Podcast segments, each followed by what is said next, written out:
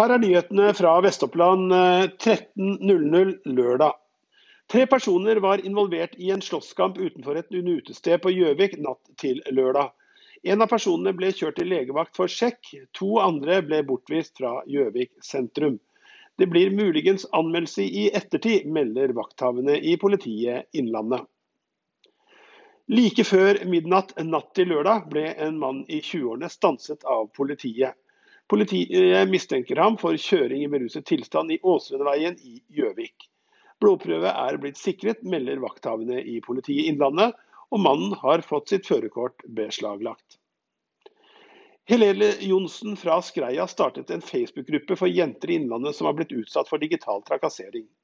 Johnsen er en av mange unge jenter i Innlandet som ifølge VG er blitt kontaktet av en digital blotter på Snapchat. Johnsen forteller til avisen at hun ble kontaktet av mange jenter fra Hamar-regionen etter at hun la ut en skjermdump av Snapchat-brukerens navn på sin historie.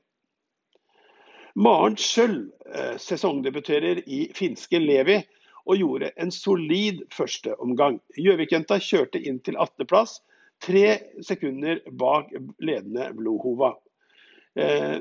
Eh, Robert Johansen fra Lillehammer var best av de norske i kvalifiseringen til søndagens storbakkerenn i Wisla i Polen. Johansen hoppet 121 meter og ble beste norske på femteplass. Kvalifiseringen ble vunnet av tyske Carl Geiger, som landet på 133. Vestopplendingen Thomas Aasen Markeng var nest best av de norske og ble nummer 17. En sau ble i slutten av beitesesongen funnet med et skudd gjennom skallen ved søndre del av Aksjøen i Nordre Land. Politiet har ingen mistenkte i saken, men Statens naturforvaltning konstaterer at dyret ble avlivet på svært kort hold. Responsen har vært stor etter at Anne Mette Lihagen la ut en kontaktannonse på Facebook. Libak ønsket kontakt med dem som er i en vanskelig situasjon nå i julestria. Lihagen sitter på en del klær, parfymer, sko, pyntegjenstander etter at hun la, ut, la ned sin nettbutikk. Istedenfor å selge det, har Lihagen bestemt seg for å gi det bort til trengende.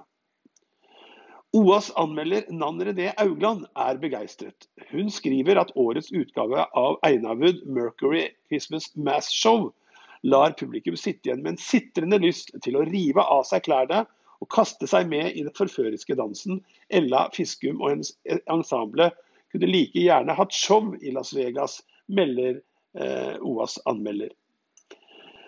Og Foreldre de mener at det koster stadig mer å ha barnebursdager.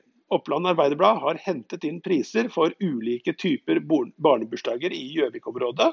Og det viser seg at prisene varierer fra 1100 til 4000 kroner. Fra å hyre plass i klatrepark, bowling, bading, leking til aktivitetsparker. OA fortsetter fokuset på barnebursdager gjennom helgen og i neste uke. Dette var nyhetene lørdag ettermiddag i Oppland Arbeiderblad. Gå inn på oa.no for flere nyheter. Mitt navn er Erik Sønsterli.